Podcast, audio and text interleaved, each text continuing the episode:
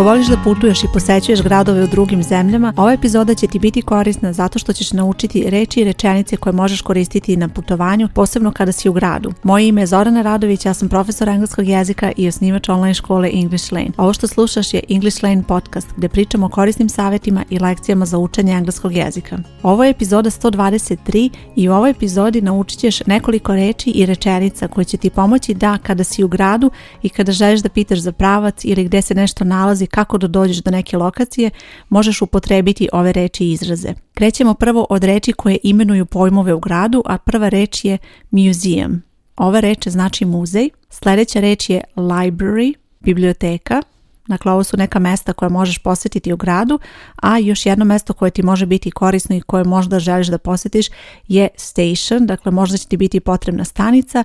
Kada je u pitanju stanica, ispred nje možeš dodati reč train, train station ili bus station. Dakle, da bolje označiš na koju stanicu misliš, train station je železnička stanica, bus station autobuska stanica. Sljedeća reč airport, ova reč znači aerodrom. Zatim imamo shopping mall, ovo je tržni centar, možda ćeš nekada čuti i shopping center i to možeš koristiti za isti taj pojam. Sljedeća reč pharmacy, apoteka, zatim imamo hospital, bolnica, park, to je park. Zatim imamo square, square je trg i na kraju imamo city center, to je centar grada. Sada kada želiš da upotrebiš ove reči, poslušaj nekoliko primjera rečenica kako ćeš se raspitati kako da dođeš do neke lokacije. Prva rečenica, excuse me, where is the train station?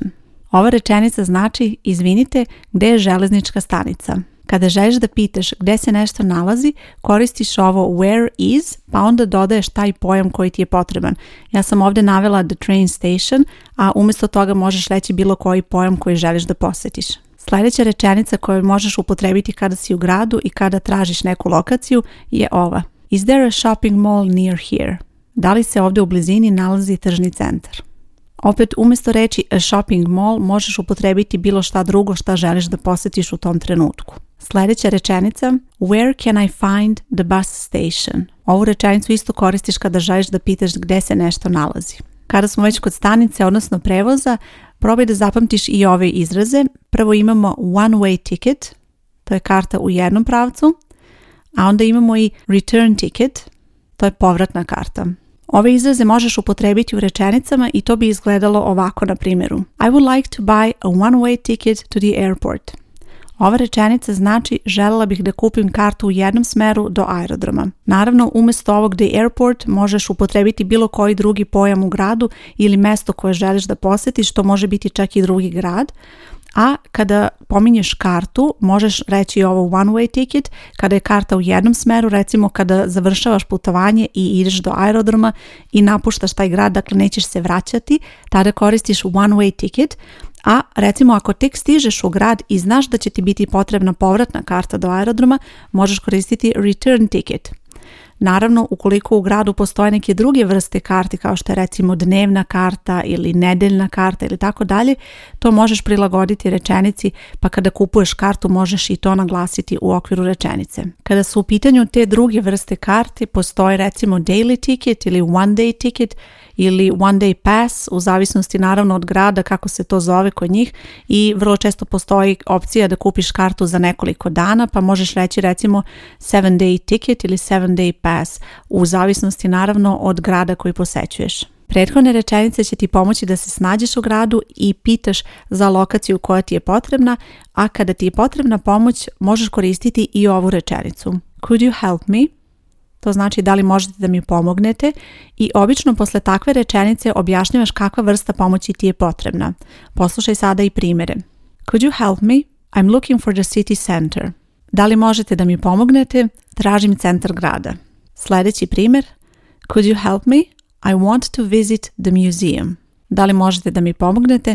Želim da posjetim muzej. Ove rečenice su i dobre ako želiš da se na ljubazan način obratiš nekome na engleskom, zato što imaju ovaj modelni glagol koji ti u tome dodatno pomaže i na taj način, osim što pitaš za pravac, pre svega prvo pitaš da li osoba može i želi da ti pomogne, a to je veoma važno posebno u situacijama kada posećuješ gradove gde ne govore baš svi engleski jezik i neki ljudi jednostavno možda čak i ako žele da ti pomognu, ne mogu da ti pomognu, tako da možda nije loše krenuti sa ovom rečenicom, prosto da vidiš da li osoba može da ti pomogne. Sada imamo nekoliko rečenica koje ćeš verovatno čuti kao odgovor i to su pre svega instrukcije koje će ti pomoći da se snađeš u gradu kada pitaš gdje želiš da stigneš i kako da dođeš do te lokacije.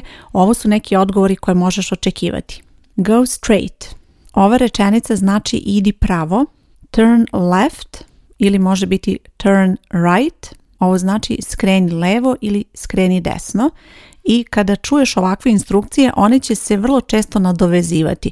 Recimo neko će ti reći go straight and then turn left. Idi pravo i onda skreni levo. Sljedeća rečenica take the bus to the museum. Idi autobusom do muzeja. You're going in the right direction. Ova rečenica znači ideš u dobrom smeru ili može biti naravno i u pogrešnom. Ako ideš u pogrešnom smeru, you're going in the wrong direction. Sljedeća rečenica je get off the bus at the next stop. Ova rečenica znači izađi iz autobusa na sljedećem stajalištu. Ovo je isto rečenica koju dobijaš kao odgovor na pitanje kako da stigneš negde. Ovdje imamo pojam da bus stop, to je stajalište, to nije ona glavna stanica bus station, već stajalište autobusa koje postoji u gradu i imamo get off the bus, to znači izađi iz autobusa. Get off možeš koristiti i za druga prevozna sredstva, get off the train i tako dalje. Ono što mislim da će ti još biti korisno kada putuješ je kako da pitaš za pravac i imam posebnu podcast lekciju o tome i ostavit ću na ovoj stranici gdje slušaš podcast link tako da možeš i to da preslušaš i nadam se da će ti ovakvi primjeri pomoći da više koristiš engleski kada putuješ i da imaš više sigurnosti jer zaista nema potrebe da imaš taj strah kada govoriš na putovanjima jer niko od tebe ne očekuje da govoriš sve savršeno već jednostavno probaj da ono što znaš upotrebiš u konverzaciji u tom trenutku čak i ako se provuče neka greška to nije važno bitno je da možeš da se sporazumeš sa tom osobom i da dobiješ informaciju informacije koje su ti potrebne u tom trenutku. Vidjet ćeš da će ti biti mnogo zanimljivije da putuješ i sa mnogo manje stresa kada znaš engleski i kada imaš ovakve rečenice kao neki vid podrške jer će ti to pomoći da se snađeš u takvim situacijama i da umeš da pitaš za pomoć kada ti je ona potrebna. Ukoliko želiš da učiš engleski u mojoj školi, na ovoj stranici gdje slušaš podcast bit će link gdje možeš saznati sve detalje, a možeš i da potražiš English Lane online škola i tu ćeš pronaći sve detalje. Hvala ti što slušaš podcast, moje ime Zorana Radović i čujemo se uskoro. Ćao!